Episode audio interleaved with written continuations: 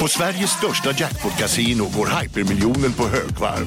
Från Malmö i söder till Kiruna i norr har hypermiljonen genererat över 130 miljoner exklusivt till våra spelare.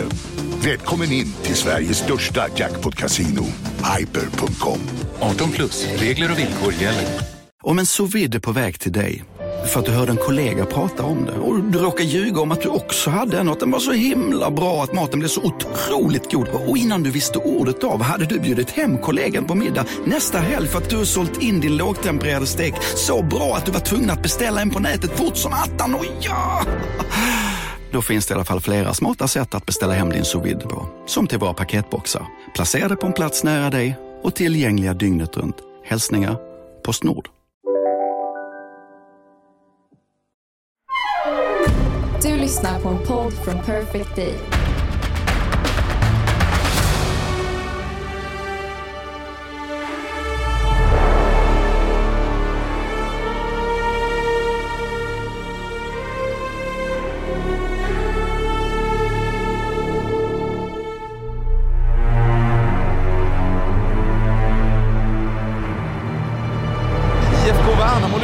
IFK Värnamo kommer spela i Allsvenskan, för nu är det slut! Ingen kunde läsa detta i några böcker inför säsongen. Ingen kunde tyda detta på någon stjärnhimmel. Så jävla underbart. Det är, alltså det är helt sjukt.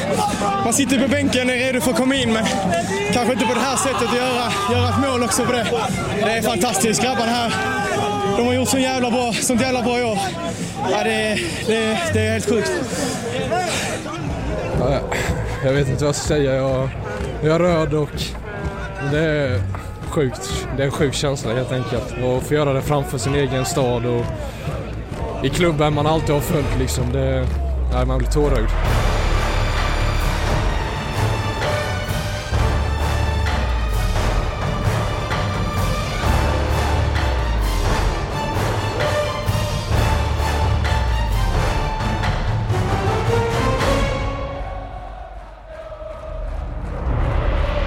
Vi fotbollsälskare behöver våra hjältehistorier för att stå ut. Ni vet, de charmiga underdogsen utan pengar som helt oväntat står där som kungar för en dag i en värld av cynism och girighet. Dagens lag är precis ett sånt i en tid när man trodde att det inte var möjligt längre. Men med hårt arbete, fin miljö, otrolig kamratskap kommer man långt. Och lägger man dessutom till ett tjurigt geni, ja, då tar man sig hela vägen till allsvenskan. Så är det ju faktiskt. Och när vi nu ska börja berättelsen om succélaget IFK Värnamo så väljer nog jag att göra det våren 1996. Vet du vad som hände då? Nej, det vet jag inte vad du tänker på. Våren 1996, då hölls den viktigaste budgivningen i Värnamos idrottshistoria. Och den rörde då inte någon spelartransfer, någon övergång, utan den rörde ju en fastighet. Herrestads herrgård, sådär en mil väster om Värnamo, var till salu. Det gamla säteriet med anor från 1300-talet som varit både herrgård och missionsgård och behandlingshem. Ända sedan 1941 så hade det använts som behandlingshem för psykiskt sjuka. Men nu skulle då Jönköpings landsting avyttra.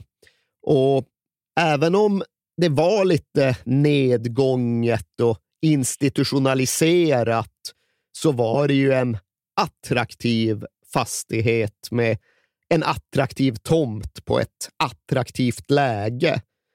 En gång i tiden så hade Herrestad inbegripit fler än 50 torp över 7000 hektar och ägorna hade visserligen krympt lite grann, men det var fortfarande en fastighet som bland annat innehöll en egen ö på 27 000 kvadratmeter med 200 år gammal urtall. Så visst förstår man att det lockade. Men huvudspåret som Jönköpings landsting hade, det var trots allt att sälja på ett sätt som innebar att Herrestad förblev en vårdinrättning.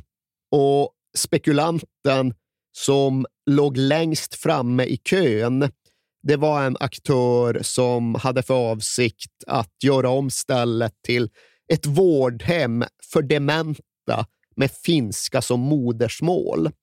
Och det här tyckte Jönköpings landsting lät alldeles prima, för det skulle då fortsätta innebära en tydlig samhällsnytta och skulle innebära en del arbetstillfällen till bygden. Så de bestämde sig i praktiken att eftersom flera budgivare hade erbjudit samma summa så skulle det bli det här demensboendet som fick köpa. Men affären blev aldrig förverkligad, för när saker och ting kom till kritan så beviljade inte bankerna några tillräckligt stora lån för att demensboendet skulle bli verklighet. Och istället fick då nästa spekulant på tur, en spekulant som också hade bjudit 3,5 miljoner kronor, möjligheten att slutföra affären. Och det, det var då Jonas Tern och hans blivande fru Ann-Sofie. De hade varit hemma i Värnamo på julsemester från Serie A-fotbollen i Roma några månader tidigare.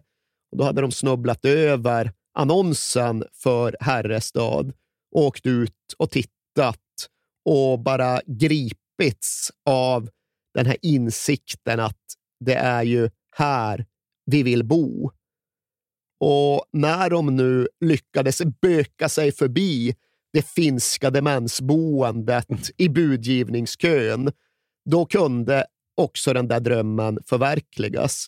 Då kunde Jonas Tern köpa Herrestad, bestämma att han skulle flytta tillbaks till barndomsbygden och förverkliga det några år senare då knäskadorna sa ifrån och han var tvungen att avsluta karriären som fotbollsspelare. Och sommaren 1999 så flyttade då familjen in på Herrestad. Jonas Tern var hemma igen. Bygdens stora son var tillbaka.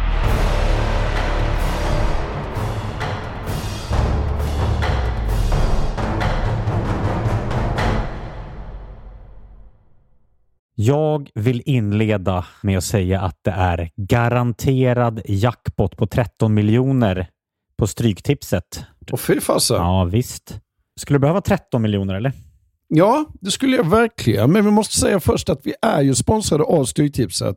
Ett spel från Svenska Spel, Sport och Casino för dig över 18 år. Yes, och stödlinjen.se finns där för dig om du har problem med ditt spelande. Nej, men 13 miljoner ja. jackpot på Stryktipset, det är ju inte fel.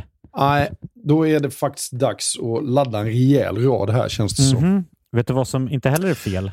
Nej. Födelsedagsfirandet och alla härliga mm. historier vi får in. Exakt, mm. för vi är ju mitt inne i Stryktipsets 90-årsfirande som vi firar med att läsa upp fantastiska historier från våra lyssnare. Yes. Som skickar in dem till kings at perfectdaymedia.se. Precis, bomba på nu. Det är åtta månader kvar på det här firandet, så att, eh, vi kör nu. Mycket Stryktipshistorier vill vi ha. Mm. Och i dagens har vi fått från Peter som skriver så här. Hej på er och tack för en helt otrolig podcast. Den har räddat mina veckor i snart fyra år. Tack så mycket Peter. Min historia är ganska färsk, men den om när det vände på stopptid gav kanske inte de största pengarna, men känslan i mig består. Jag spelar ofta för lite mindre pengar på Stryket, följer fotbollen men långt ifrån en nörd. Och allt såg väldigt bra ut senast, förutom på min etta på Manchester United mot Brentford. Mm -hmm. Var ändå väldigt, eh, var ändå väldigt nöjd med hur resten satt. Men på stopptid satte min nya favoritspelare, skotten McTominay, två mål och vändningen fullbordades. 64 rader blev 12 000 kronor. Tack för en bra podd. Det är podd. otroligt. Ja. Tack för en bra historia Peter. Ja, och som man älskar Scott McTominay. Gör man inte det? Ja, det gör man faktiskt. Han liksom kommer in i straffområdet jävligt bra faktiskt. Mm. Vi säger stort tack till våra vänner på Stryktipset. Tack.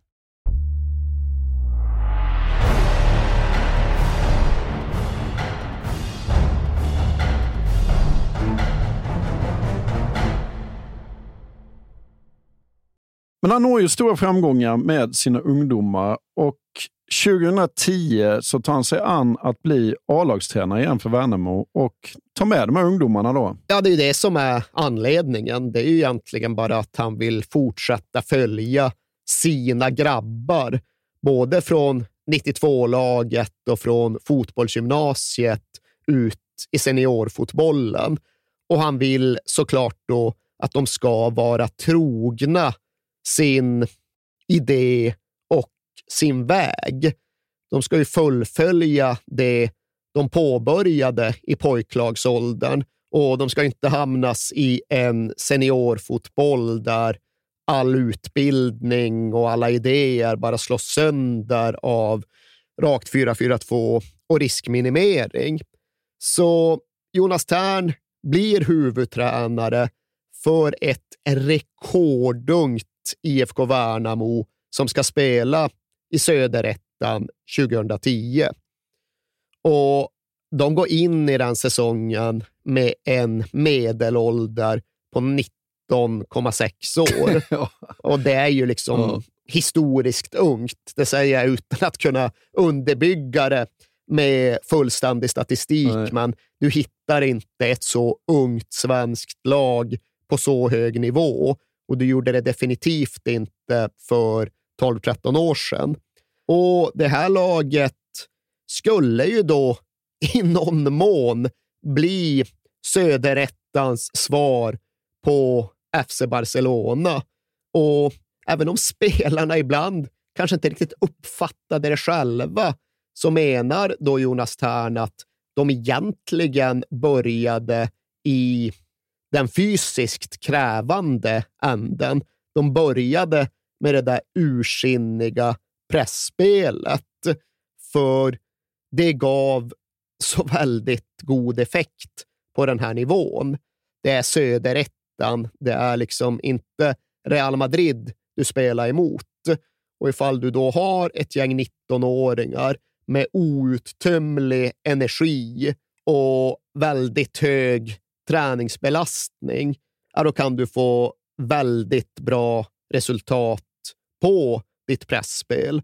Och det här laget, ja, men de satte iväg och så jagade de motståndarna hela vägen ner till deras målvakt. Och då blev det mer eller mindre alltid så att de till sist bara tofflade iväg bollen. Och så hade IFK Värnamo ja, men en spelare med lite ålder, erfarenhet och fysik. Och det var Viktor Claessons nio år äldre brorsa Martin. Ja. Och han tog hand om de där luftpastejerna och nickade ner bollarna till Viktor Claesson och Simon Tern och Loret Sadiko. Och sen var det liksom upp på karusellen. Sen fick inte motståndarna se bollen igen och när de väl gjorde det, ja, då var det press ner till målvakt och så samma spelmönster ytterligare en gång. Ja.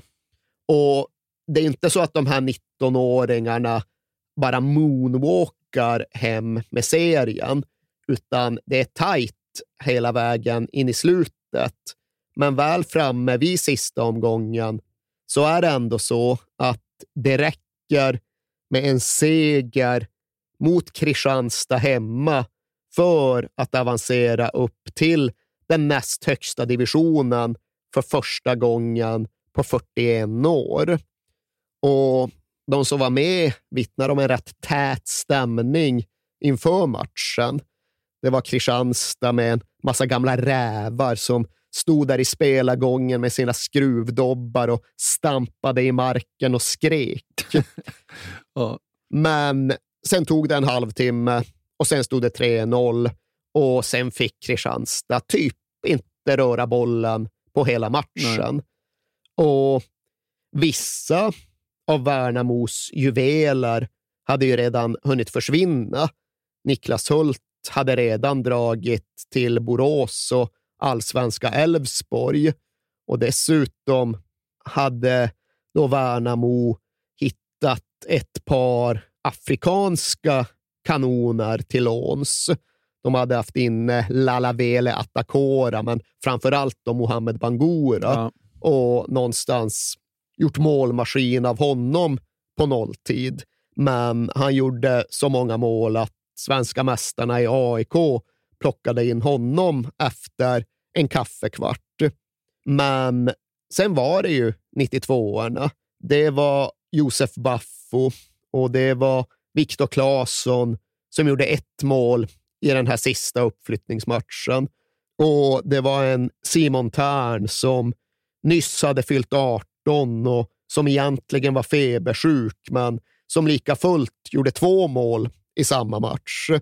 Och så var det också Loret Sadiko och Jenis Kosica och Jonathan Ring som hade hållit till uppe i Örebro, men som Jonas Tern hade plockat in genom sitt skolkoncept. Och där fanns en kille som hette Tobias Englund som kom att spela allsvenskt med Falkenberg. Och det sista målet i den här matchen, 5-0 målet, det gjorde faktiskt av målvakten Hampus Nilsson som fick vandra upp och nita dit en straff.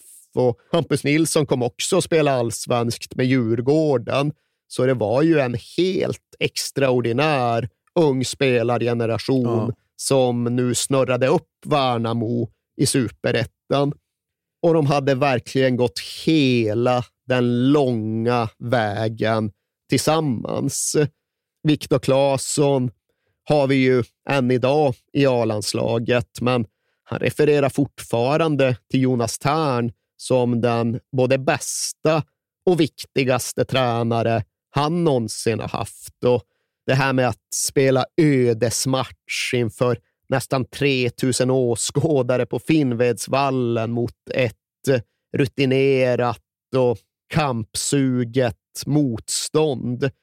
Det var liksom inga problem för de här grabbarna, för de hade genom hela sin utbildning alltid uppmuntrats till att ta risker, till att försöka grejer, till att våga misslyckas och sen försöka igen. Så bland mycket annat var de även ganska vaccinerade mot vår vanliga skräck att förlora, att inte prestera. Hampus Nilsson trycker bollen i nät. 5-0 för IFK Värnamo när vi tickar in. För de var så trygga i sin förmåga att ja, men de visste att det helt enkelt inte skulle hända. Nu är guldhattarna på här på de flesta avbytarna och ledarna här ute på Värnamos avbytarbänk och eh, här är det riktig glädje just nu. Äkta segerglädje och eh, snart så bry- bryter det stora jublet ut här när slutsignalen går. Och där går det! Där går slutsignalen. IFK Värnamo spelar nästa säsong i Superettan.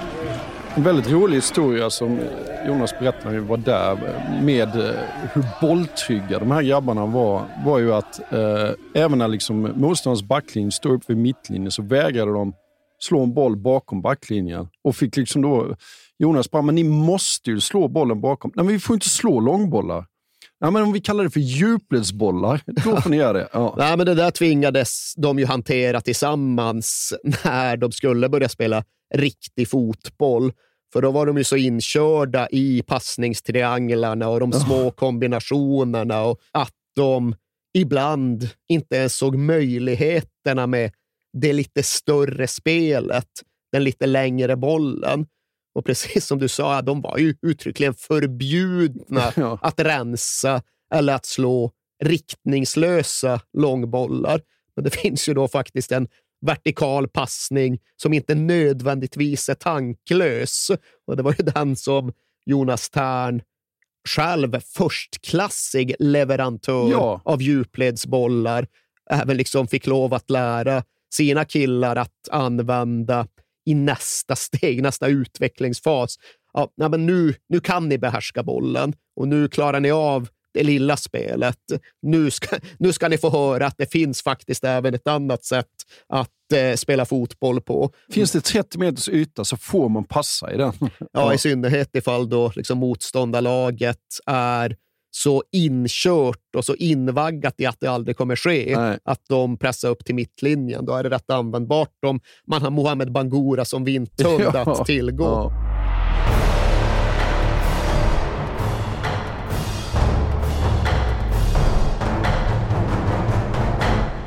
...2020 börjar resan. Ja, så kan man säga. Det går ju att säga att den påbörjades tidigare, men att effekten nu började skönjas. För liksom, i det rent strukturella så hade de bland annat då satt en ny sportgrupp där bland annat Jonas Terns gamla lagkompis från 67orna, Håkan Söderberg, hade åtagit sig att vara sportchef på ideell basis, trots att han var företagsmäklare till vardags. Och i den där sportgruppen hade de gemensamt kommit överens om att jo då, vi ska fortsätta att fostra och utbilda våra egna, men därtill får vi faktiskt även lov att höja blicken. För okej, vi kan ha fyra, fem spelare från Värnamo eller från Gnosjöregionen i elvan, men de fem, sex runt omkring dem, ja, de behöver kanske inte vara smålänningar eller västgötar eller hallänningar. De kan lika gärna komma från Norrbotten eller från Sydamerika eller från Afrika. Och det ska ha varit en kursändring. En annan var att de ovanligt nog började skriva långtidskontrakt trots att de då fortfarande utgick från division 1. Och så är det ju i den svenska tredje divisionen, att du skriver inga flerårskontrakt. Nej. Du lever i bästa fall från år till år, i många fall snarare från månad till månad. Men nu började IFK Värnamo rekrytera lite annorlunda och för att få något ut av sina värvningar så började de också utforma en annan typ av avtal. För vad har man annars Jonas Tern till?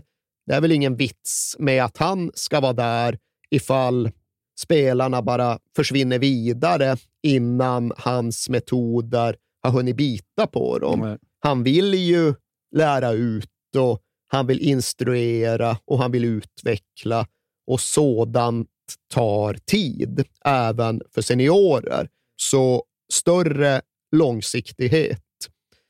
Och precis när då detta ja, men skulle påbörjas, skulle börja drivas framåt med övertygelse, ja, då kom pandemin.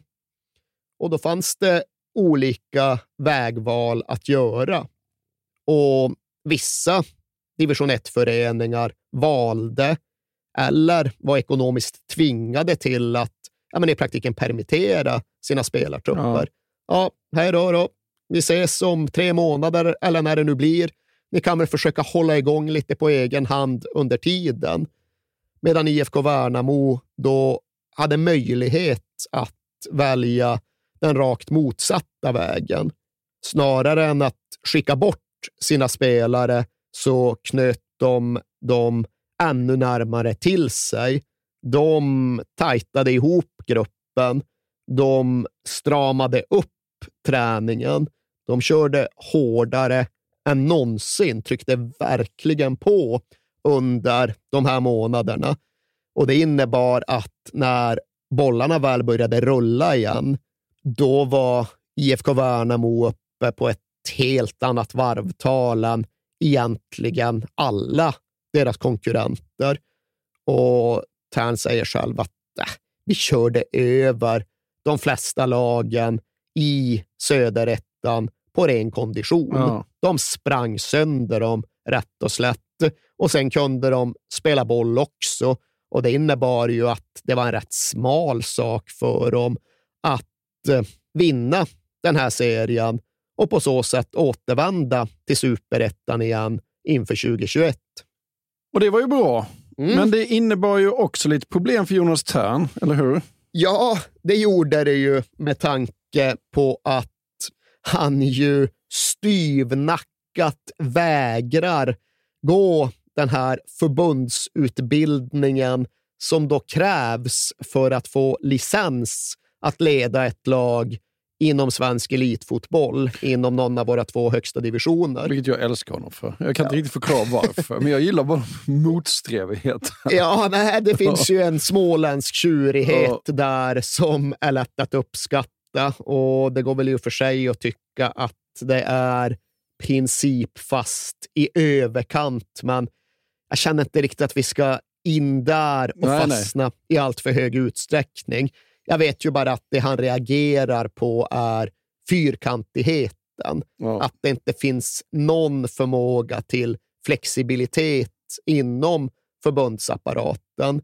Och det är väl inte själva utbildningen som Tern vänder sig emot, utan det är den stelbenta principen. Och Han gillar själv att exemplifiera med att hänvisa till musiker. Han gillar sin country, Jonas Tern. Ja. Så det skulle kanske finnas ett scenario då han vill plocka till sig en gitarr och lära sig att dra av några ackord på den. Men om han ska ge sig på att gå en kurs, är det då rimligt att han som total nybörjare ska sitta i samma lärosal och genomföra samma övningar som någon snubbe som har turnerat 22 år jorden runt med Dream Theater. Det är liksom väldigt avancerade symfonirockbandet. Han tycker inte det. Han tycker att det liksom är två helt skilda utgångspunkter och att kraven som ställs, att utbildningen som ges därför borde vara mer individanpassad. Ja, det har han väl säkert en poäng. Men lik förbannat så kan han ju inte vara första tränare för superettanlaget Värnamo 2021. Nej, precis. Reglementet kräver rätt och slätt att en annan utbildad tränare ställer sig bredvid eller till och med framför honom. Och Det innebär att när IFK Värnamo drar igång sin försäsongsträning den 11 januari, då är det inte Jonas Tern som leder den, utan det är det Robin Asterhed som gör. En 33-åring från Revingeby utanför Lund som aldrig tidigare coachat ett seniorlag i en enda träning. Och här är det såklart många som gör tolkningen att den här okända Asterhed, ja men, han är väl bara någon front för Jonas Tern eller i alla fall någon sorts helt viljelös och lättkontrollerad marionettdocka som Tern bara dompterar helt som man vill utifrån sitt eget huvud.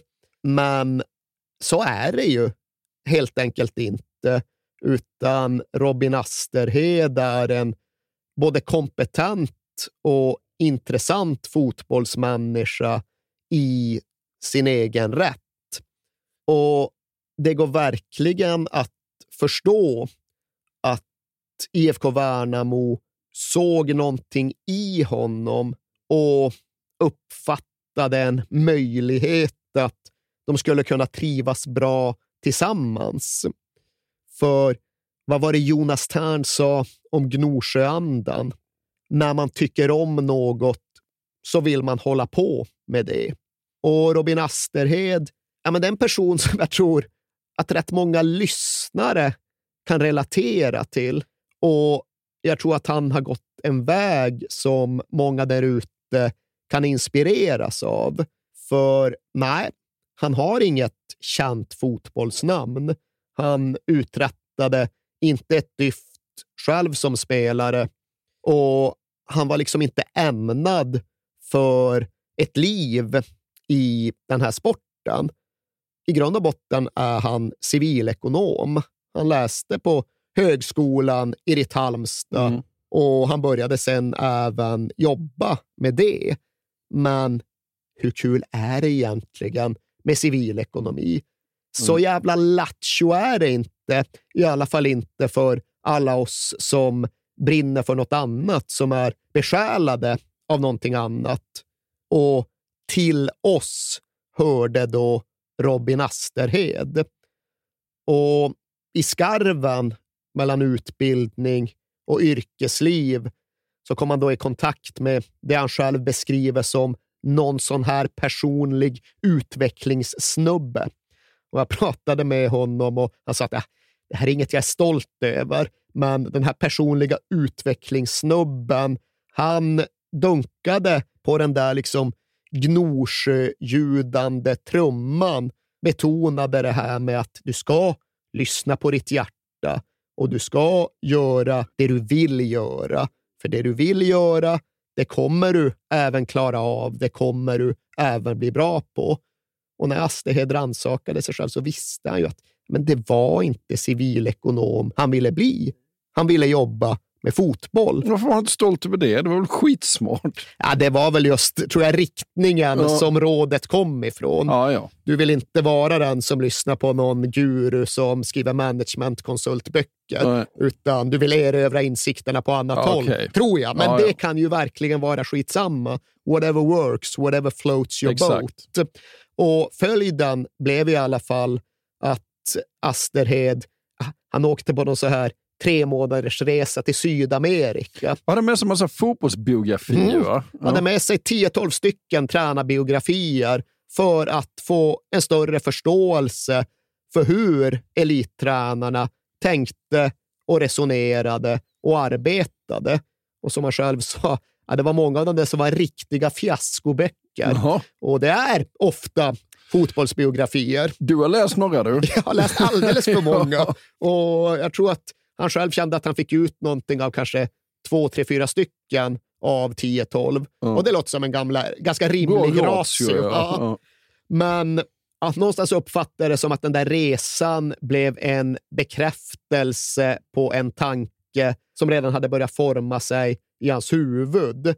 De kom ner till Argentina och de såg Bocca Veles med Riquelme. Och de såg River mot Maradonas första klubb Argentinos Juniors. Och någonstans mellan de här matcherna och de där tränarbiografierna så blev Robin Asterhed så pass övertygad om sin kursändring att han helt enkelt hörde av sig till Malmö FF och frågade om det inte fanns någon möjlighet att han skulle få träna ett av deras pojklag. För han hade väl gjort praktik där under utbildningen på kansliet i Malmö? Ja, det var väl så. Han hade gått någon tilläggskurs i typ sportsmarketing. I Båstad, ja. Där fick han väl ingången till föreningen, tror jag. Men hur som helst så började då Asterhed träna MFFs nioåringar år 2009.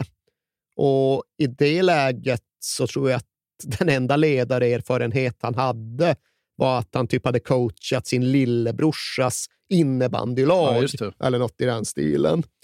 Men nu kom han in där med enorm energi och vidlyftiga idéer och han säger ju att han var extremt pepp-influerad från början. Han var förälskad i Pep Guardiola och det han gjorde med FC Barcelona och possession-fotbollen som de drev där. Och det drog han med nioåringarna då? Ja, på ett eller annat sätt så gör han väl det. Men det är klart att han försöker åldersanpassa Ja. sin pedagogik och pratar väl mer om liksom, hur mäktig Leo Messi är än om hur Pep Guardiola bygger passningstrianglar. Kalle tiki-taka.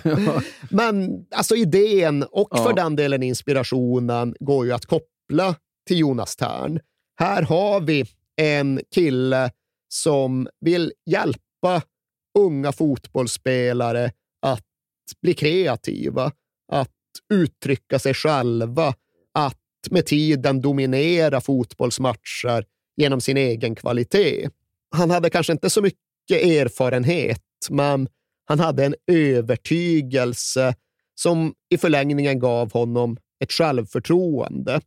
Och Han berättade om hur han under den här tiden hade gått på stadion och sett MFFs A-lag möta ÖIS.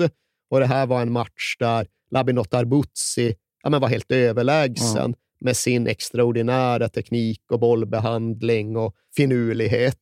Men på väg från matchen hade Robin Esterhed överhört hur några andra av MFFs ungdomsledare raljerade över Harbutzi och det var väl att han, inte vet jag, var för bollkär eller dribblade för mycket eller inte gjorde allt han skulle i det defensiva omställningsspelet. Jag vet inte. Nej.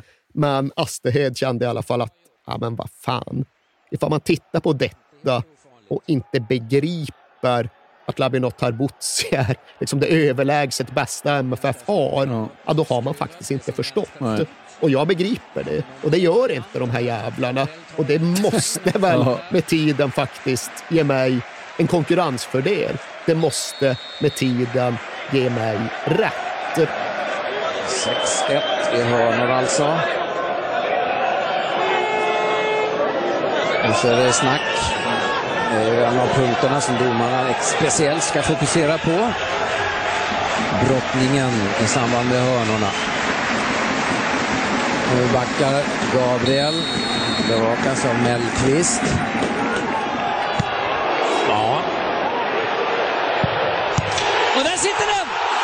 Lavinot Arbuzi blir premiärskytt på Swedbank stadion i den 61 minuten av denna första match mellan Malmö FF och Örgryte IS. Laminot Arbuzi!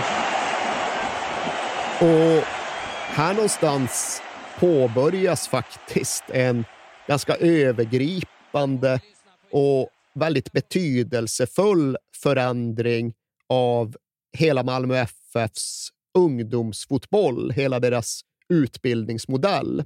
Och det här är väl inte avsnitt då vi ska fördjupa oss i det, men det blir liksom ett nytt kapitel i den ständigt pågående stora systemstriden inom svensk fotboll. Och fram till och med de här åren, 2010, 2012, ja, då menar Robin Asterhed att MFFs ungdomsutbildning i grund och botten fortfarande lutade sig helt mot Bob Houghton och Roy Hodgsons gamla idéer som gjort så väldigt mycket nytta, både för förening och för svensk fotboll. Men som i deras ögon inte var så där överdrivet användbar för att på bästa sätt utbilda unga spelare en bit in på 2000-talet. Och Robin Asterhed hittade då tydliga bundsförvanter. Dels i Andreas Georgsson som var där och fick mandat att påbörja någon sorts revidering av hela utbildningsplanen. Och dels i Pep Clotet Ruiz som ju var viktig andre tränare bakom Roland Nilsson när MFF vann SM-guldet 2010. Och Pep Clotet, han kunde hjälpa de här unga Malmötränarna att få substans i sin känsla. De hade liksom en övertygelse om att ja, men det måste gå att driva på framåt mot en annan typ av fotboll. Men de visste egentligen inte riktigt hur det skulle gå till. Men Pep Clotet kunde ja, men förklara det här för. Han kunde sätta sig ner med Robin Asterhed och de andra och öppna dörren till att men faktiskt förstå spelet och bryta ner spelet. Ja, men, vi vill ha mycket bollinnehav och vi vill ha en struktur i vårt passningsspel. Ja, men då gör vi så att vi börjar med att skapa numerära överlägen och då får vi vinklarna som gör att vi kan komma åt de här ytorna och så vidare och så vidare och så vidare. Och Robin Asterhed må ha varit helt okänd när han kom till IFK Värnamo, men då hade han ju tillbringat ja, i stort sett tio år i Malmö FFs barn och ungdomsorganisation och där varit starkt bidragande till ja, men ett ganska fullständigt kursbyte. För ja, men Malmö FF, de må vara föreningen där man minsann vinner, för det är det man gör och det är det man alltid har gjort och det är det man ska göra framöver också. Men kanske når man inte dit genom ett fullständigt resultatfokus bland tioåringar. Kanske når du dit genom att istället tänka prestation och process och utveckling.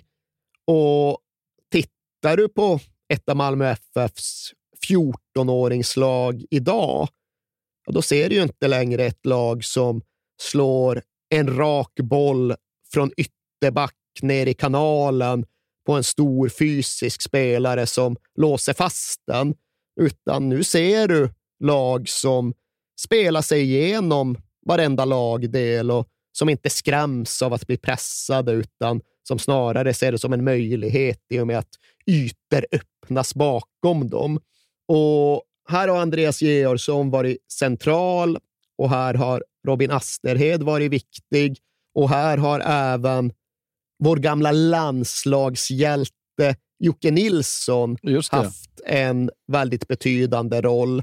För ja, med den spelstil som han företrädde på 1980-talet ja. så hade han ganska nära till den här typen av tankegångar. Ja. Och han var väldigt envis i dem. Och när han också fick en roll inom Malmö FFs ungdomsapparat, ja, då blev han bryggpersonen som kopplade ihop den nya bekantskapen Robin Asterhed med den gamla vapendragaren Jonas Tern. För Jocke Nilsson förstod att ja, de må komma från olika bakgrunder och från olika generationer, men jävlar, här finns det en samsyn och en potentiell synergieffekt som kan ge jäkla resultat framöver. Ja, och det hade han ju alldeles rätt i.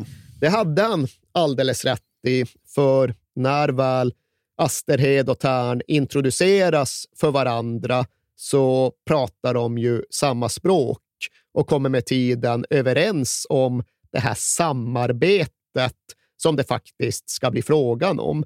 Det är ju inte så att Jonas Tern står uppe på en makttron och pekar och bestämmer medan Asterhed fogligt verkställer utan invändningar nere på golvet, utan det kommer faktiskt bli frågan om ett genuint delat ledarskap. Och detta då trots att Jonas Tern är Robin Asterheds gamla barndomshjälte.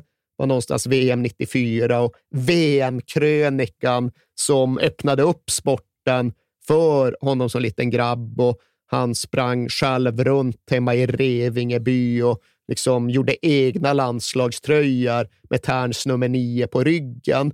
Så det är klart att det någonstans riskerade att finnas en inneboende ojämlikhet i relationen, men de fick det fan att fungera från egentligen första dagen.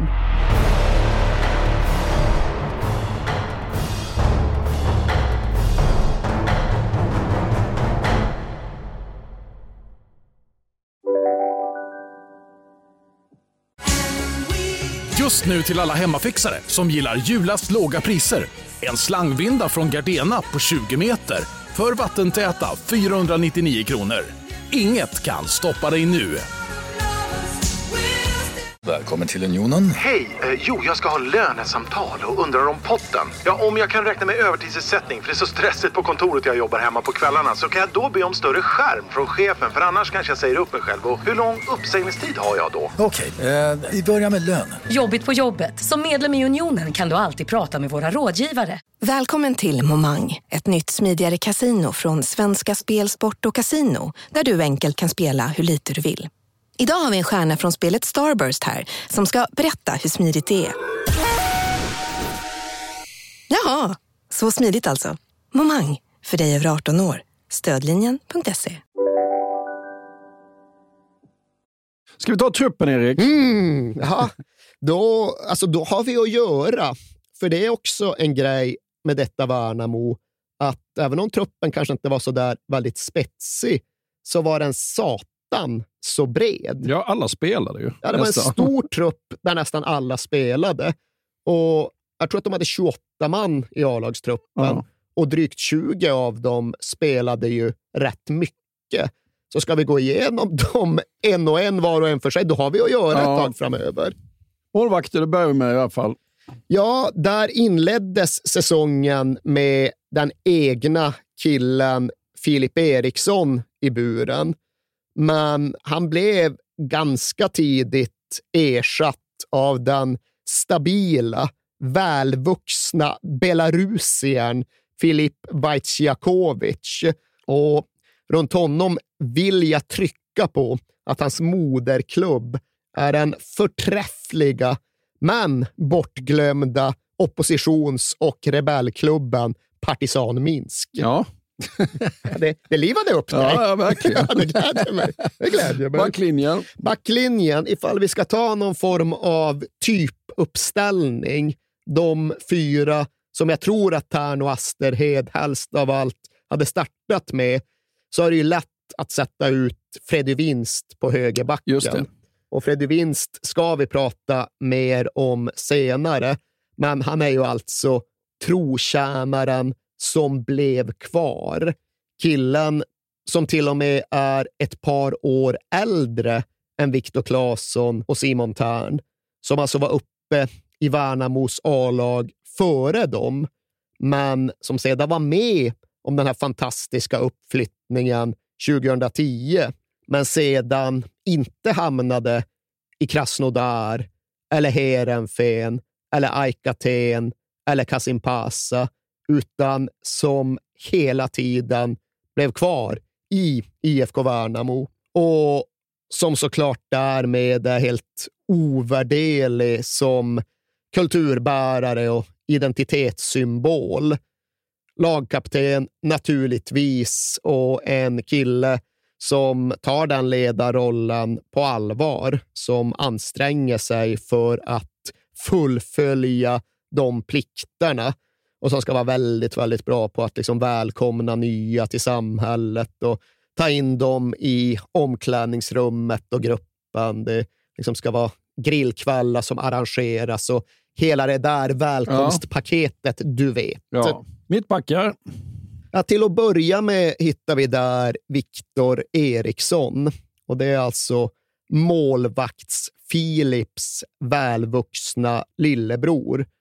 Bara 20 år gammal när säsongen inleddes, men en jäkla pålitlig och stabil pjäs. Och bredvid honom, nästan framför honom vid säsongens början, brassen Bernardo Villar. En jäkla ledarfigur som verkligen satte standard både på träningsplan och i match. Någon att luta sig mot som Värnamo verkligen hade fått jackpot när de hämtade in. Och hur hittade de honom? Är det genom futsallaget i Örebro? Jag hoppas det. Ja. Vi fick ju lite vaga förklaringar av Jonas Tern kring hur de hittade alla brassar. Ja. Och då mumlade han just något om någon örebroare som hette Pontus. Och jag kollade vidare på det där och det finns ju en örebroare som heter Pontus. Pontus Enblom som är någon sorts agent med någon typ av samarbete som så vitt jag fattar det sträcker sig över Miami ner till Brasilien. Och när vi försökte utforska den här avenyn så snubblade vi över uppgiften att Örebro har blivit någon typ av centrum för mer anonyma brasilianska bollspelare förkroppsligat av att stadens futsallag ska kretsa kring en bunt brassar som hämtats hit för att gemensamt spela futsal och jobba på ett lager. Ja, eller i restaurangbranschen. Ja, det där också. futsallagret var man ju jäkligt nyfiken Ja. på. Och tyvärr så tycks det väl ha funnits ett korn av kärna där. Det finns liksom futsalbrassar som denna Pontus tycks vara inblandad Ja. i. Och vissa av dem jobbar nog på lager och sen är det nog några andra som jobbar i restaurangbranschen. Ja. Men det är väl lite utspätt och utblandat. Och så är det väl även med IFK Värnamos beroende av denna Örebro-brasse Pontus. Ja. För han ska ha varit delaktig i att hämta Bernardo Villar och han ska även vara agent för i alla fall en av truppens övriga brassar. Men sen finns det någon norsk brasseagent och det finns något tidigare brassespår. Ja. Det, det, är brokiga brassevärvningar. Det, det, finns i alla fall ett korn av sanning det finns ett i futsalspåret. Ja, ja. Nej, men det, ja. så uppfattar jag det. Så ja. uppfattar jag det. Ytterback? Ja, alltså, vi pratade ju om hur IFK Värnamo hade bestämt sig för att dels odla eget, men dels även kunna tänka sig ja, vad fan är motsatsen till närproducerat? Importerat. Långväga importerat.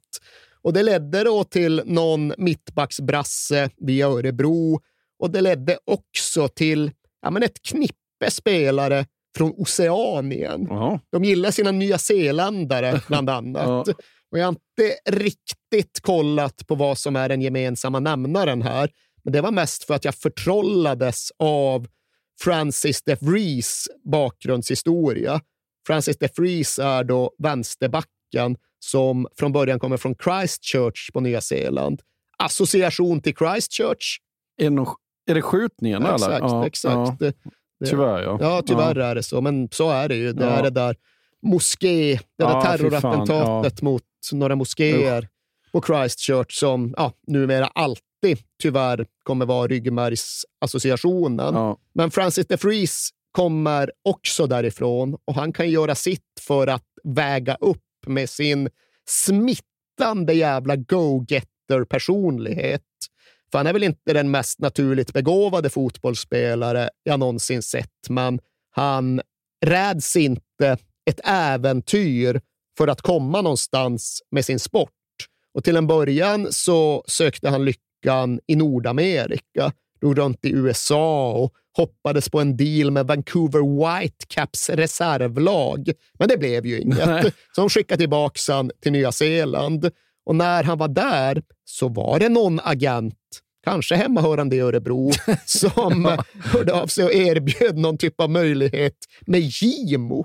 Jaha. Och jag har inte kollat det, men Francis de Vries själv sa att detta ja, det låg i svenska sjunde divisionen. Ja. Så det är ingen skitbra standard. Nej. Men att du då hoppar på planet från Christchurch och Nya Zeeland för att testa lite med Gimo. Ja, en jävla äventyr. Ja, det, det säger något ja. om en beslutsamhet. Ja.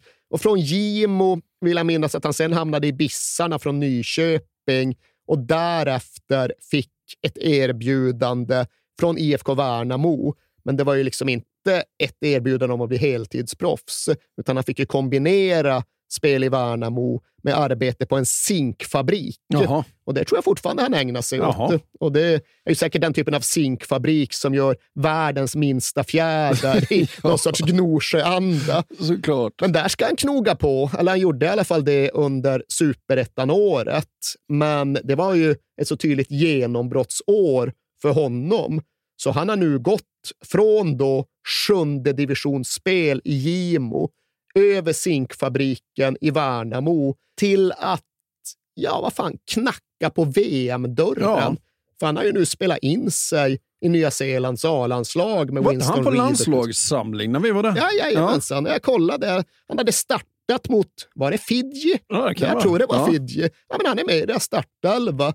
Och i och med att Australien har dragit sig ur det oceaniska kvalet och tävlar i Asien istället, då kommer ju Nya Zeeland alltid få någon typ av playoff-plats. Ja. Så i praktiken är de ett steg ifrån Qatar och då VM-spel för denna Francis de Vries som är oerhört omtyckt i Värnamo. Ja.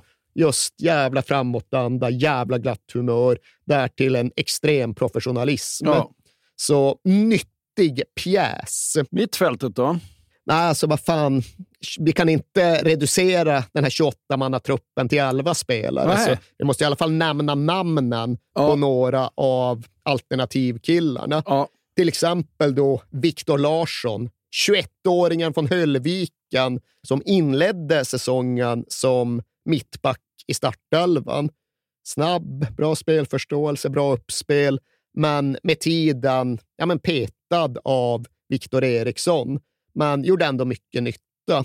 Och detsamma gjorde Albin Sundgren, inhämtad från Malmö FF och en kille som verkligen skulle bidra till att skriva Värnamo-historia under det här enda året som han skulle komma att tillbringa i klubben. Inga mer backar du vill nämna? Ja, det är väl kanske brassen Ugo Leonardo då. Alternativ på ytterback, men ja, jag tror att han satte nästan större avtryck vid sidan av planen än ute på gräset det här året. Ja. Men, ja, men det är han nu i alla fall. Ja. Kan vi ta mittfältet nu? Nu kan vi fan i mig ta mittfältet. Ja. Och där är det ju då tydligt i Jonas Terns filosofi att det ska vara tre spelare centralt och då så gott som alltid en sittande balansspelare som liksom har ansvar för att påbörja bollcirkulationen.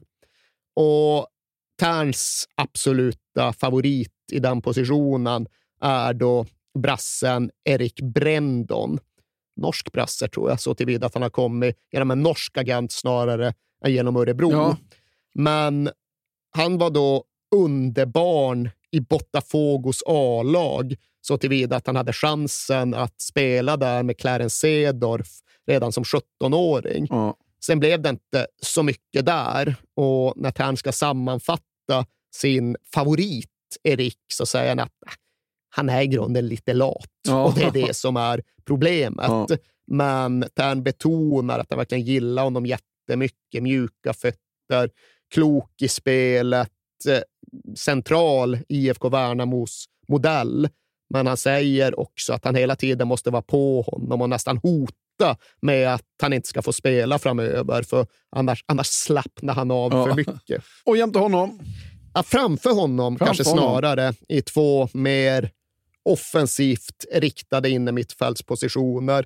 Där fanns det väl egentligen tre spelare som alternerade och de hade alla sina förtjänster. Och när vi pratar om IFK Värnamos rekrytering så har vi konstaterat att ja, de kan titta både över Atlanten västerut och över Indiska oceanen österut. Men deras absolut vanligaste sätt att värva det är egentligen att imponeras av en motståndare ja. och sen plocka in honom. Och det gjorde de verkligen när de nu gick från söderettan upp i superettan. De stötte på folk längs vägen som de bedömde skulle kunna följa med uppåt och hjälpa dem. Och så var det exempelvis med William Kendall som hade spelat mot Värnamo för Lindome och imponerat. Ja, men honom skulle de ha med ja. sig och då fick de både en mångsidig mittfältare och en riktigt god gubbe. Ja. Liksom arketypen för en bra, positiv göteborgare. Alltid bra att ha ja. i ett omklädningsrum. Och lite samma grej med Abdo Magashi som också spelar inne mittfältare. Mött honom när han spelade för Kristianstad och sett liksom egenskaper i honom som gjorde det rätt uppenbart att han hade en högre nivå i sig. Och det var två av de tre som oftast spelade framåt på mittfältet. Den tredje är brassen Wendersson, ja. som jo då, kommit genom Örebroan ja. och eh, som nu faktiskt förlängde kontraktet samma dag som vi var i Värnamo. Ja. Och han har väl den högsta höjden av alla de här, men har också de tydligaste problemen med exempelvis att värdera spelet i olika lägen. Det var det här Jonas sa, att han vill alltid vända upp i mittcirkeln. Ja, har aldrig koll på Nej. vad som finns runt omkring honom, vilket då leder till att han tappar bollen i mittcirkeln fem gånger per match. Ja. Och Tern kommer liksom inte åt det genom träning. Han har försökt att liksom begränsa antalet touch för honom på träning, men samtidigt vill han inte kväva hans naturliga begåvning. Nej, för när han lyckas så är det ju Ja, nej, alltså när han vänder upp så har han sån jävla acceleration med boll och han kan bryta linjer och han kan gå på eget avslut och han kan hitta en sista passning. Så det är ju en jävla kapacitet, ja. men också då en stor frustration i Jonas Tern, att han inte förmår coacha honom till bättre värdering. Och det finns ju också en farhåga att på allsvensk nivå så kommer de här bolltappen att kosta ännu mycket mer. Just det. Några fler mittfältare du vill nämna? Charlie Windehall såklart. Ja. Stark småländsk universalspelare. Och därtill Isse Ismail från Lenhovda. Gjorde inte så där jättemånga minuter för Värnamo den här säsongen och har nu lämnat för Haninge. Men han är en av de svensk-somalier som faktiskt har spelat landslagsfotboll nere för Somalia. Och har man gjort det, ja, då passerar man inte obemärkt förbi en truppgenomgång i When We Were Kings. Nej. Och de tre där fram då? Ja, om vi börjar med yttrarna så kom det att sätta sig att det skulle vara två stycken Oscar. Dels då Oscar Johansson som inte till fullo en egen produkt, för han är det från Gnosjö snarare än från Värnamo. Ganska nära. Ja, det kan man ju tycka. Ja. Men nu hade han i och för sig varit i Trelleborg och studsat, men när han nu återvände till sin egen region så gjorde han det som en ganska komplett offensiv spelare. Och Robin Asterhed är nu inte typen som trycker starkt på specifika individer, men Oskar Johansson spelade flest minuter av alla i den här truppen och Asterhed kan sträcka sig till att jo, han är den viktigaste spelaren för mig att ha där ute på planen. Och hur tror du han motiverar det? Nej. Han gör det på tränarsätt. Oskar Johansson är nämligen bra på att känna när han ska vara på en viss yta. Aha, och ja. liksom en tydligare spetsen så hittar det ju inte Nej. i en tränarhjärna. Nej. Så han var helt självklar och han var ju deras främsta poängspelare och ja, men i grunden lagets klarast lysande stjärna. Men framförallt på hösten så skulle han utmanas av Oskar Uddenäs på den andra kanten. Och jag ska väl inte överdriva och måla upp honom som ett underbarn eller liksom en svensk supertalang. Men det är ändå en grabb fostrad i MFFs organisation och som har gjort ja, men i alla fall ett par dussin ungdomslandskamper och fick möjligheten att åka ner till Italien och vara proffs i Spal. Ja. Men som där egentligen aldrig kom in i det under pandemin. Och frågan var ja, men vad som skulle bli hans nästa karriärsteg. Och Uddenäs har då Marcus Rosenberg som agent. Ja. Och som du vet har ju Marcus Rosenberg täta band till Värnamo och familjen Tern. Ja. De driver en paddelhall ihop. Just det. Och det gör väl att när det finns den här typen av match, en begåvning som absolut skulle kunna må bra av en mellanlandning i Värnamo, ja, då blir steget ganska kort. Ja. Och då blir även utfallet väldigt bra. Och sen, jag måste bara säga också, det, det känns som att han har väldigt bra kontakter med MFF. Både Tern och Värnamo. Ja, det är klart. Alltså, Jonas Tern refererar ju till Malmö FF som sitt favoritlag. Ja. Det var deras affischer han hade på pojkrummet hemma i Värnamo. Så även om Värnamo såklart är hans förening så är MFF någonstans Ja, och sen hans så, lag. och så har han spelat till MFF och hans gamla kompisar ja, är kvar ja, ja, i liksom, föreningen. Farsan från Malmö, farfar från Malmö. Ja. Och lägg då till att Robin Asterhed kommer in med tio år inom Malmö FFs ungdomsorganisation. Känner såklart Oskar Uddenäs och flera av de andra malmöiterna jätteväl. Ja. Så banden som redan fanns, ja, de blev ännu starkare i och med Marcus Rosenbergs paddelhall Ja, och därtill ytterligare befästa genom Asterhed-kopplingen. Ja. Men Oskar Uddenäs blev verkligen en genombrottsspelare hösten 2021. Då hade han varit där i ett år Ja. och var en av de här som hade behövt träna i kapp. Han klarade inte av intensiteten i Värnamos spel till en början och sen tog det då ja, men i grunden ett år. Men det tålamodet kostade Värnamo på sig och det gav väldigt gott utfall både för dem och då för Oskar Uddenäs personligen. För under hösten så är han deras tydligaste spetsspelare och han har ju nu då belönats med ett kontrakt med BK Häcken och ska spela allsvenskt för dem istället 2022. Ja, mer då? Ja, jag vill ju nämna Robin Zabic som är en kvick, irrationell, initiativrik spelare på yttern. Och han fick inte jättemycket speltid, men han gjorde en hel del av de minuter han ändå fick. Framförallt ett par riktigt utslagsgivande mål i början av säsongen som definitivt innebär att han förtjänar ett omnämnande. Och nia? Ja, två olika typer av val in i säsongen. Dels lokalproducerade Edvin Besirovic som kanske mer än någonting annat är en grym jävla löpare. En extrem motor, kan springa hur mycket som helst och är på så sätt jävla tacksam för att kicka igång pressspelet Ja. och för att göra Värnamo påfrestande att möta.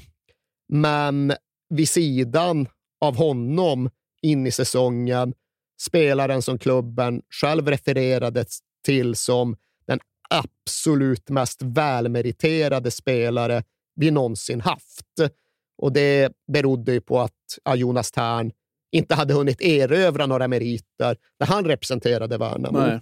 Men det hade vår polare Crespo Camara, som vi har pratat om tidigare i främst avsnittet som handlade om Sierra Leone.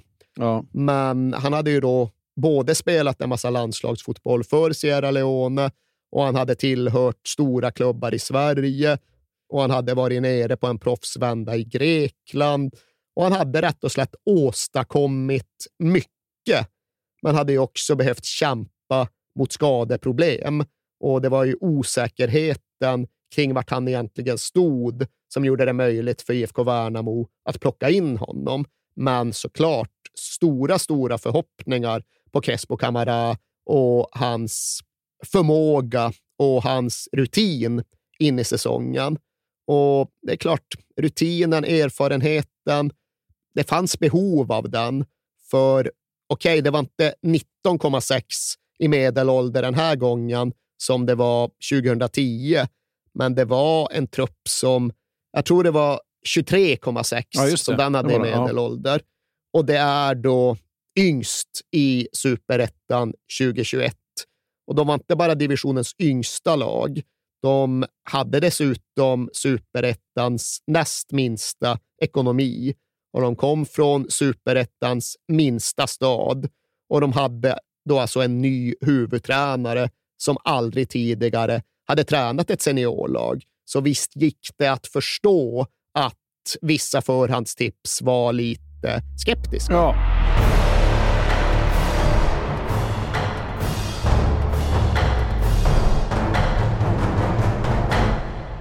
Bara kör de ju. Ja, rätt mycket så.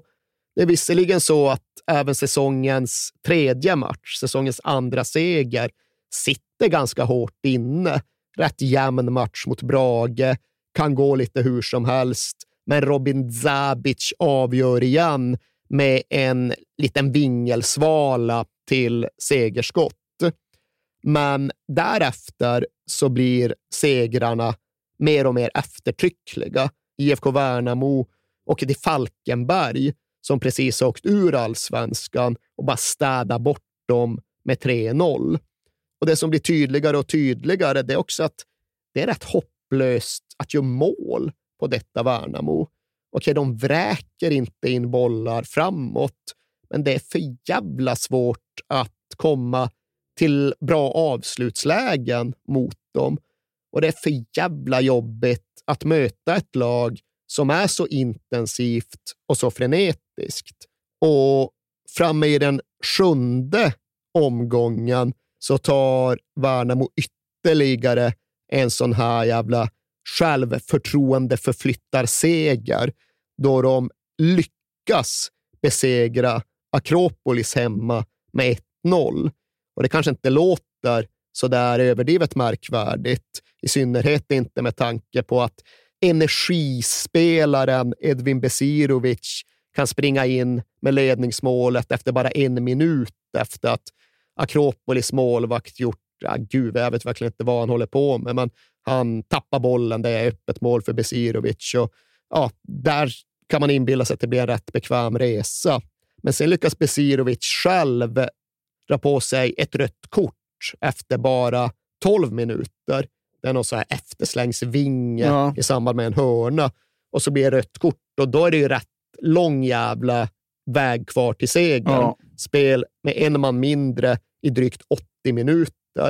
Men Värnamo håller inte bara ut. De står inte bara emot, utan de gör det rätt hopplöst för Akropolis att överhuvudtaget skapa någonting mot dem. För de krigar och de sliter och de går in maximalt i precis varenda situation. Och Det går inte att säga att de vinner bekvämt eftersom att de sliter till max. Men de vinner till sist ganska ohotat. Och Edvin Besirovic kan hålla sitt ursäktande lilla tal inne i omklädningsrummet med ja, men nästan vördnad i rösten. Ja. Han, ja, han sa förlåt till alla och sa att alla visade att de verkligen är toppspelare i superettan under den här matchen. Alla. Alla som var på planen, alla som var utanför hjälpte till på sitt sätt. Alla visar sån karaktär. Och i det läget så var det femte raka nollan som detta decimerade Värnamo plockade hem. Och sen följde de upp med en sjätte raka nolla i bortamatchen mot ÖIS. Och därpå följer faktiskt två raka förluster före sommaruppehållet. Det blir torsk både mot Trelleborg borta och Norrby hemma. Och ska vi överhuvudtaget hitta någon typ av gnissel under den här säsongen, ja då är det väl här. Ja. Då finns det intervjuer där den belarusiske målvakten Filip Vaitsiakovic går ut och pratar om hur att ja, många säger att vi är på väg mot allsvenskan, men bara bollkontroll ger inga poäng. Och hade man velat vässa fram en kvällstidningsvinkel hade man väl kunnat spåra en syrlighet riktad mot detta bollhållande spelsätt. Ja. Men då tror jag man hade ansträngt sig i överkant. Hade Värnamo några problem, då var faktiskt de här förlusterna underordnade. Då var den här antydan till missnöje faktiskt helt irrelevant. Sen bara kör de ju. Ja, rätt mycket så. Det är visserligen så att även säsongens tredje match, säsongens andra seger, sitter ganska hårt inne. Rätt jämn match mot Brage, kan gå lite hur som helst, men Robin Zabic avgör igen med en liten vingelsvala till segerskott. Men därefter så blir segrarna mer och mer eftertryckliga. IFK Värnamo åker till Falkenberg som precis har åkt ur allsvenskan och bara städar bort dem med 3-0. Och Det som blir tydligare och tydligare det är också att det är rätt hopplöst att göra mål på detta Värnamo. Okej, de vräker inte in bollar framåt, men det är för jävla svårt att komma till bra avslutslägen mot dem. Och det är för jävla jobbigt att möta ett lag som är så intensivt och så frenetiskt. Och framme i den sjunde omgången så tar Värnamo ytterligare en sån här jävla självförtroende förflyttar seger då de lyckas besegra Akropolis hemma med 1-0. Och det kanske inte låter så där överdrivet märkvärdigt, i synnerhet inte med tanke på att energispelaren Edvin Besirovic kan springa in med ledningsmålet efter bara en minut efter att Akropolis målvakt gjort, ja, gud, jag vet verkligen inte vad han håller på med, men han tappar bollen, det är öppet mål för Besirovic. Och, ja, där kan man inbilla sig att det blir en rätt bekväm resa. Men sen lyckas Besirovic själv dra på sig ett rött kort efter bara 12 minuter. Det är någon så här efterslängsvinge Ja. i samband med en hörna och så blir det rött kort och då är det ju rätt lång jävla väg kvar till segern. Ja. Spel med en man mindre i drygt 80 minuter. Men Värnamo håller inte bara ut. De står inte bara emot, utan de gör det rätt hopplöst för Akropolis att överhuvudtaget skapa någonting mot dem. För de krigar och de sliter och de går in maximalt i precis varenda situation. Och det går inte att säga att de vinner bekvämt eftersom att de sliter till max. Men de vinner till sist ganska ohotat och Edvin Besirovic kan hålla sitt ursäktande lilla tal inne i omklädningsrummet med ja, nästan vördnad i rösten. Mm. Han, ja, han sa förlåt till alla och sa att alla visade att de verkligen är toppspelare i superettan under den här matchen. Alla. Alla som var på planen, alla som var utanför hjälpte till på sitt sätt. Alla visar sån karaktär. Och i det läget så var det femte raka nollan som detta decimerade Värnamo plockade hem. Och sen följde de upp med en sjätte raka nolla i bortamatchen mot ÖIS. Och därpå följer faktiskt två raka förluster före sommaruppehållet. Det blir torsk både mot Trelleborg borta och Norrby hemma. Och ska vi överhuvudtaget hitta någon typ av gnissel under den här säsongen, ja då är det väl här. Ja. Då finns det intervjuer där den belarusiske målvakten Filip Vaitsiakovic går ut och pratar om hur att ja, många säger att vi är på väg mot allsvenskan, men bara bollkontroll ger inga poäng.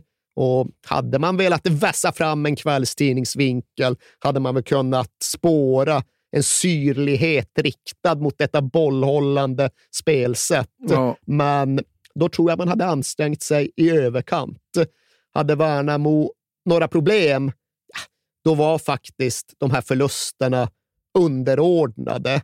Då var den här antydan till missnöje faktiskt helt irrelevant. Utan det enda som kanske såg ut att kunna störa dem, det var att de ändå förlorade ett par av de kuggar som framstått som allra mest centrala in i säsongen. Ja, för bland annat eh, Crespo Camara, Camara eh, blev väl invalidiserat till slut? Va? Ja, tyvärr är väl inte det ett för starkt ord att använda.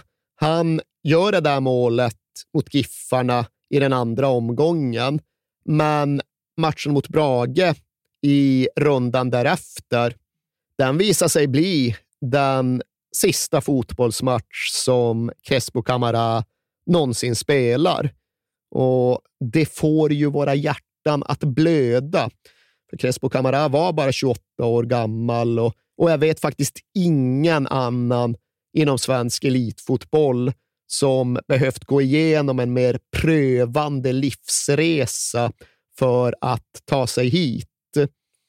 Men när han nu konsulterade läkare om sina knän så fick han ju beskedet att han förmodligen inte skulle kunna gå ifall han fortsatte spela fotboll och då fanns det liksom inte så mycket kvar att välja Nej. på. Men förutom då ett enormt personligt bakslag så innebar detta naturligtvis ett problem för Värnamos truppbygge. För de hade då Edvin Besirovic som kunde springa tills varenda ko hade vikt in på skullen. Men de ville ju även ha ett ja, men, mer fysiskt alternativ på nummer nio-positionen ja. och behövde ersätta Crespo Camara. Och hur opererar IFK Värnamo i ett sånt läge? Jag önskar jag kunde säga att de ringde till Örebro. Tog in en futsal. Ja, men det är det ena alternativet. Ja. Sen finns det ett annat, lite vanligare. Ja, de tittar på något eh, motståndarlag. Exakt. Vad har vi egentligen haft emot oss det senaste året? Ja, vi mötte ju Linköping nere i ettan. Det är som vid det här laget hade förvandlats till Ken Rings kaosklubb Linköping. ja. Och där fanns det ju en kille som till och med var jobbig som tusan för Bernardo Villar att hantera. Den här Christian Moses. Vad, hur, hur ser vi på honom egentligen? ja, kollar man bara på hans siffror så var det nog ganska avskräckande. För han var då en anfallare som egentligen aldrig hade kommit över tio mål en enda säsong i sin karriär. Han hade gjort det vid två tillfällen, men det var för Juventus IF från Västerås nere i division 3 södra Svealand, där han faktiskt lyckats göra 10 respektive 11 mål. Men annars brukar han stanna på så tre mål, Ja. fem mål. Och enbart utifrån siffror och matrixer så fanns det ju inget där att hämta. Men Jonas Tern och Värnamo, de litade på sina fotbollsögon. Det så, han var jobbig som satan den där Ja. jäveln. Och det räckte rätt långt vad gällde kravprofil. Kruxet var bara att även om det var helt uppenbart att Christian Moses skulle lämna Ken Ring-kaoset i Linköping så var han så gott som klar för Västerås SK. Men hur ska man då göra för att hitta en väg fram till den här Sierra Leonien? Ja, Värnamo får väl helt enkelt använda sig av den Sierra Leonier som är på väg ut för att kunna ersätta honom med en Sierra Leonier på väg in. Så Crespo Camara fick ta all sin smittande entusiasm och karisma och sätta sig i bilen och köra upp till Linköping och övertala Christian Moses att nej, det är till Värnamo du ska istället. Och så fick det bli. Och det var, det var inte Crespo Camaras sista bidrag till Värnamo, för han är ju kvar på orten och bedriver... Gå-fotboll för pensionärer, va? Älskar det. Ja, det gör man. Ja. älskar Crespo Camara. Han verkar älska det också. Ja, alltså, han är helt... Du har aldrig träffat honom, eller? Nej, ja, Du det. träffar inte någon människa med, med smittande energi. Och gå för, jag blir ju sugen på att spela gå-fotboll. Ja, lite jag tror jag tyvärr också att man måste faktiskt. typ vara över 60. Ja, jag känner mig som över 60. Ja, Du är ju biologiskt snart Ja. 60, men det är inte jag. Nej. Jag blir ändå sugen på gå-fotboll Ja. med Crespo. Det blir jag ju.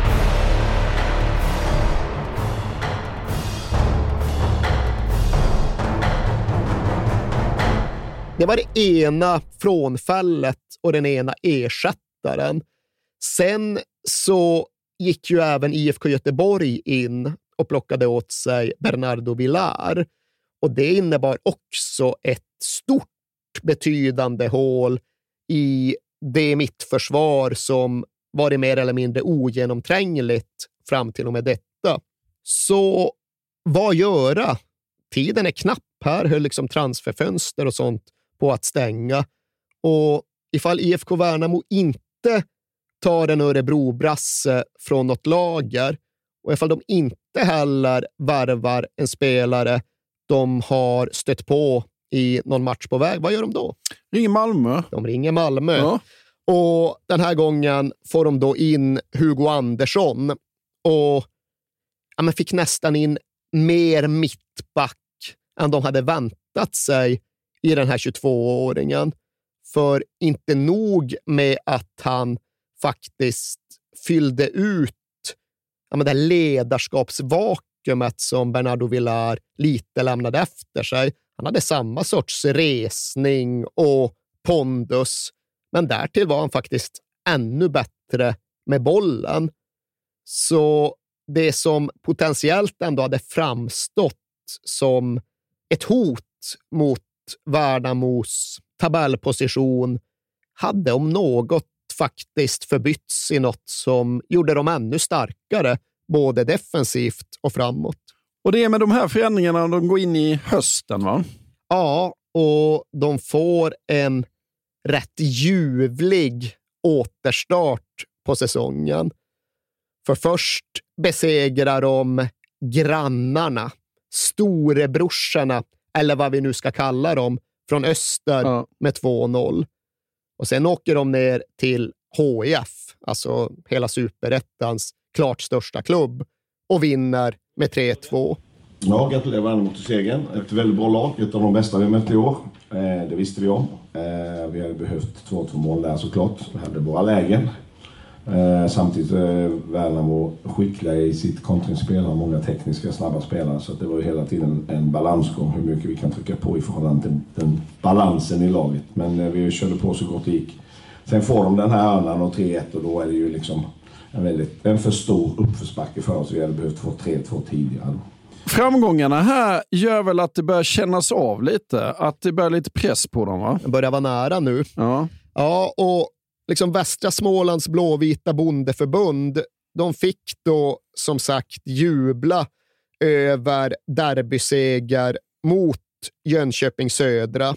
Men en dryg månad därefter så åkte Värnamo ner till Växjö för sitt andra Smålandsderby och där föll de mot Öster. Och det är precis det läge då liksom hösten börjar. Läget börjar bli skarpt. Löften ska förvandlas till besked. Det är lite drygt två, två och en halv månad som återstår av säsongen. Det är 10-11 matcher och även om tabelläget är gynnsamt vid den här punkten så finns ju inga som helst garantier. Och ska det någon gång börjar skaka, då är det väl ungefär här. Förlusten mot Öster var illavarslande, inte minst med tanke på att prestationen överhuvudtaget inte var bra. Och jag vet att när liksom Robin Asterhed ser tillbaka på året och på säsongen, då kan han själv känna en liten besvikelse över den här fasen. För när han är riktigt ärlig i sin egen självrannsakan så känner han att även han, den mest processinriktade fotbollstränare du överhuvudtaget kan föreställa dig, började stirra lite för mycket på slutmålet. Ja. Och det ska även ha smittat av sig och fått konsekvenser i hur laget spelade. De blev lite för oroliga, lite för passiva, blev hängande lite lågt med backlinjen och framstod plötsligt som sårbara på ett sätt som de inte hade varit tidigare. Och just där och då, när läget är skärpt och när ditt unga, oerfarna, oprövade lag står inför ett läge de aldrig tidigare upplevt, who you gonna call? Vem ska du vända dig mot?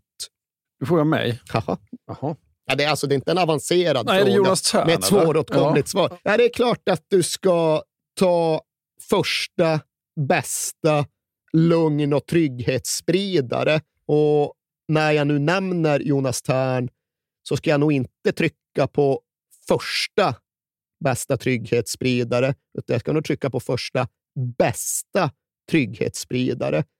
Du hittar ingen som kan få ett omklädningsrum att spänna av som Jonas Thern. Nej.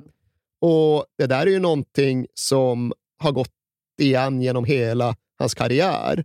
När Tommy Svensson pratar om bronslaget från 94, då brukar han ju alltid säga att Jonas Thern var hans viktigaste spelare.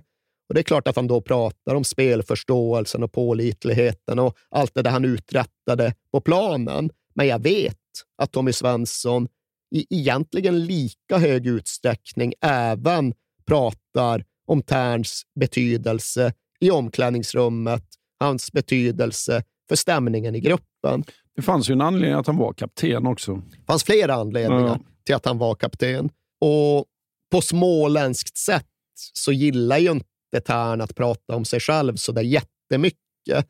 Men du kan ju få honom att sträcka sig till att han är skicklig på att gå in i ett omklädningsrum och läsa av stämningarna och människorna som sitter där. Okej, hur mås det här? Han är i fin form, han mår inte bra, han behöver si, han behöver det och sen kunna agera utifrån det detta. Och Vi pratade ju mycket om hans medmänsklighet i avsnittet om Igor Sypniewski, men det är många som kan vittna om Jonas Terns förmåga att nå fram till dem, alldeles oavsett ifall det handlar om en stor skrämmande livskris eller kanske bara en bortamatch mot Norrby. Och Robin Asterhed är ju här återigen en av dem som jag vänder mig mot, för han pratar väldigt varmt om detta. Han känner att Jonas Terns största styrka är hur han får folk att slappna av. Och Han säger själv att han aldrig har varit så avslappnad, känt sig så trygg som han gjorde i samarbetet med Jonas Tern.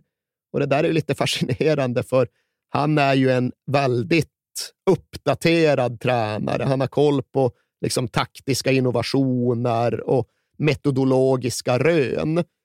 Och sen så landar han till sist ändå i mysgubbens betydelse. Ja, ja. Och Vi har pratat så mycket om allt annat som Jonas Tern gör bra, att vi kan tillåta oss att även trycka på när vi beskriver hans kapacitet som just mysgubbe. Ja. För den är annars lätt att underskatta.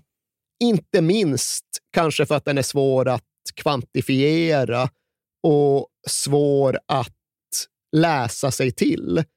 Jag ska inte säga att du antingen har det eller så har du det inte, men det är nog lite åt det hållet.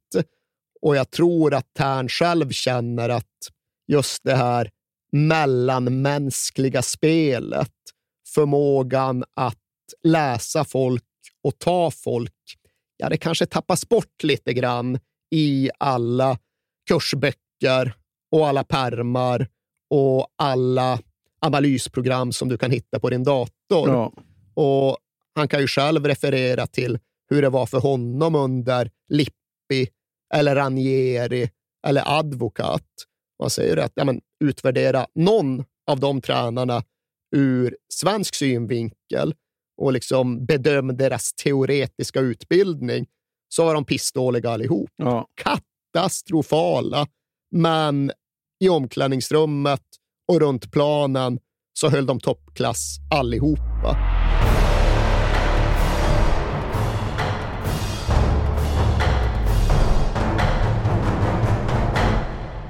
Ja, för nästa omgång så möter de ju AFC från Eskilstuna och då har de ju allt i egna händer. Allt i egna händer.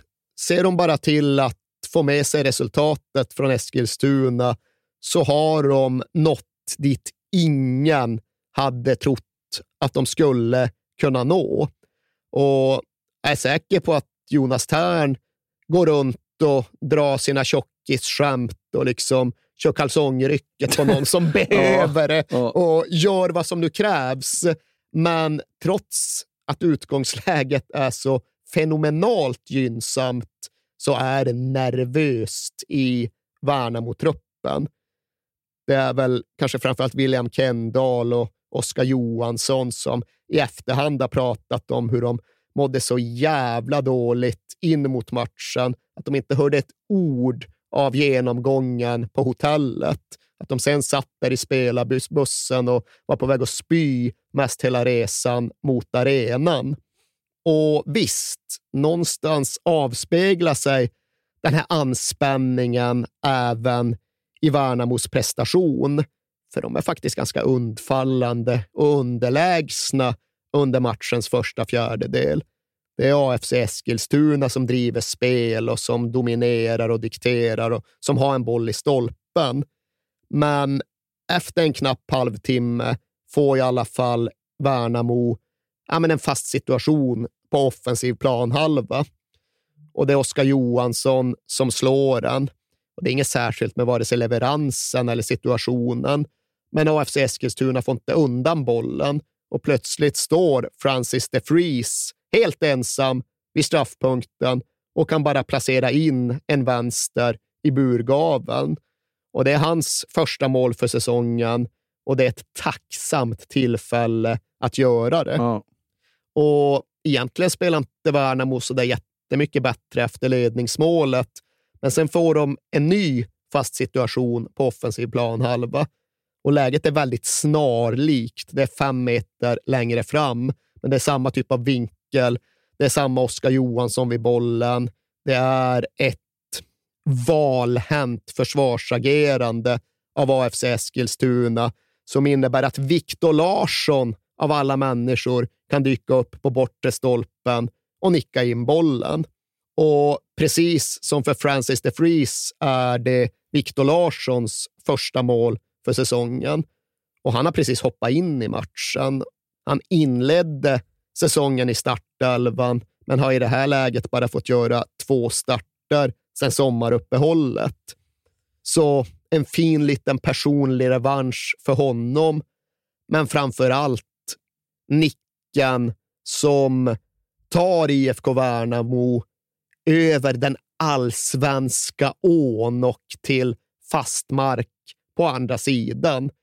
Nu finns det inte längre några tvivel. Nu finns det liksom inga som helst möjligheter att det här ska glida dem ur händer och fötter, utan de kan kontrollera och spela av resten av matchen och de kan ju ägna men i alla fall hela slutkvarten åt ett utdraget förhandsfirande. Det är ju klart och det är en rätt jäkla skön känsla att veta om att det är klart. Ja. Och när slutsignalen väl ljuder, ja då kan västra Smålands blåvita bondeförbund jubla och då kan Jonas Tern tända en cigarr för första gången sedan i juni 1996. För då är IFK Värnamo allsvenskt och som de skriver i den egna lokaltidningen Värnamo Nyheter, detta slår allt i Värnamo Nyheters sportbevakning under tidningens 90-åriga historia. Och runt detta finns ju inga tvivel. Nej. Så är det såklart. Sen spinner i och för sig krönikören vidare och funderar lite högt för sig själv i en pågående brainstorming. IFK Värnamos uppflyttning kan till och med vara det största som hänt alla kategorier under tidningens historia. Ja. Även det största som hänt Värnamo som stad och för hela bygden någonsin. och ja. Jag vet inte om han grips av stunden och svävar iväg väl långt, men jag tycker att skribenten säkerligen är i en bättre position att bedöma det än vad jag är. Absolut. Så är det i de banorna hans penna rör sig, då är det där den ska vara. Ja. IFK Värnamo, lyssna på detta. IFK Värnamo kommer spela i Allsvenskan, för nu är det slut! Ingen kunde läsa detta i några böcker inför säsongen. Ingen kunde tyda detta på någon stjärnhimmel. Så jävla underbart. Det är, alltså det är helt sjukt.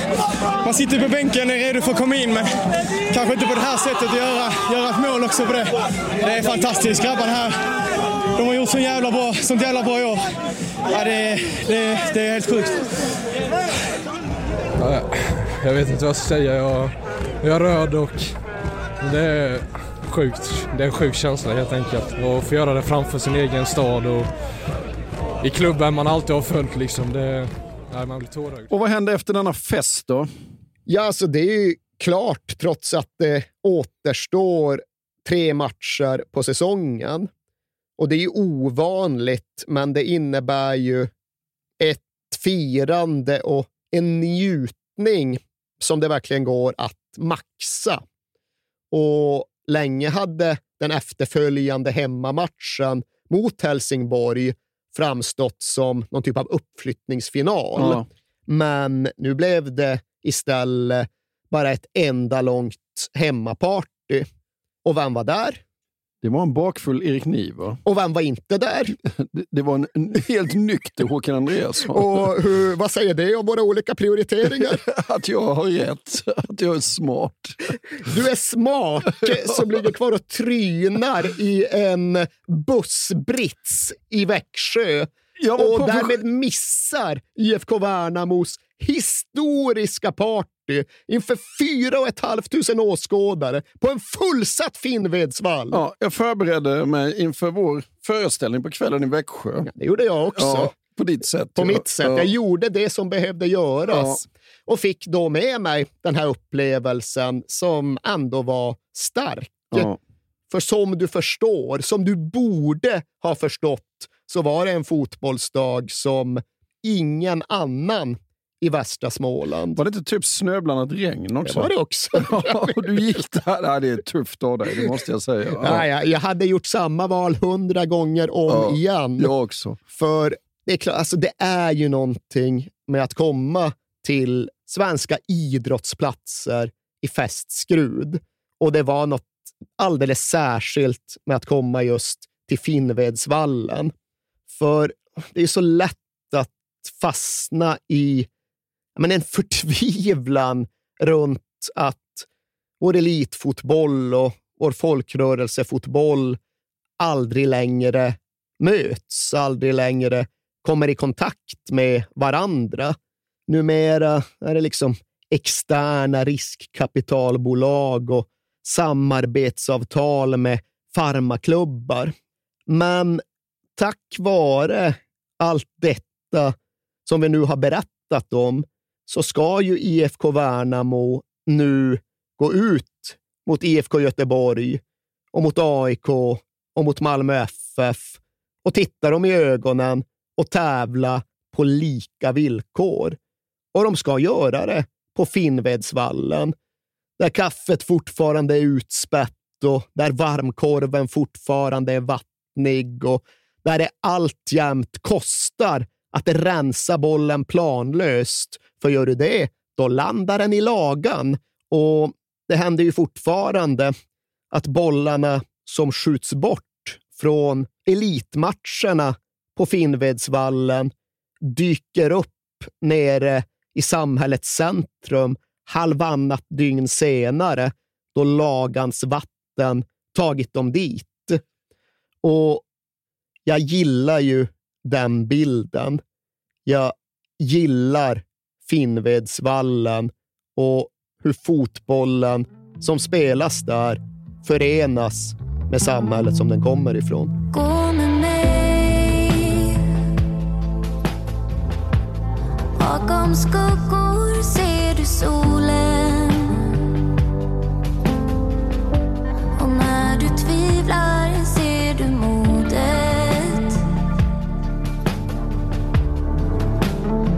I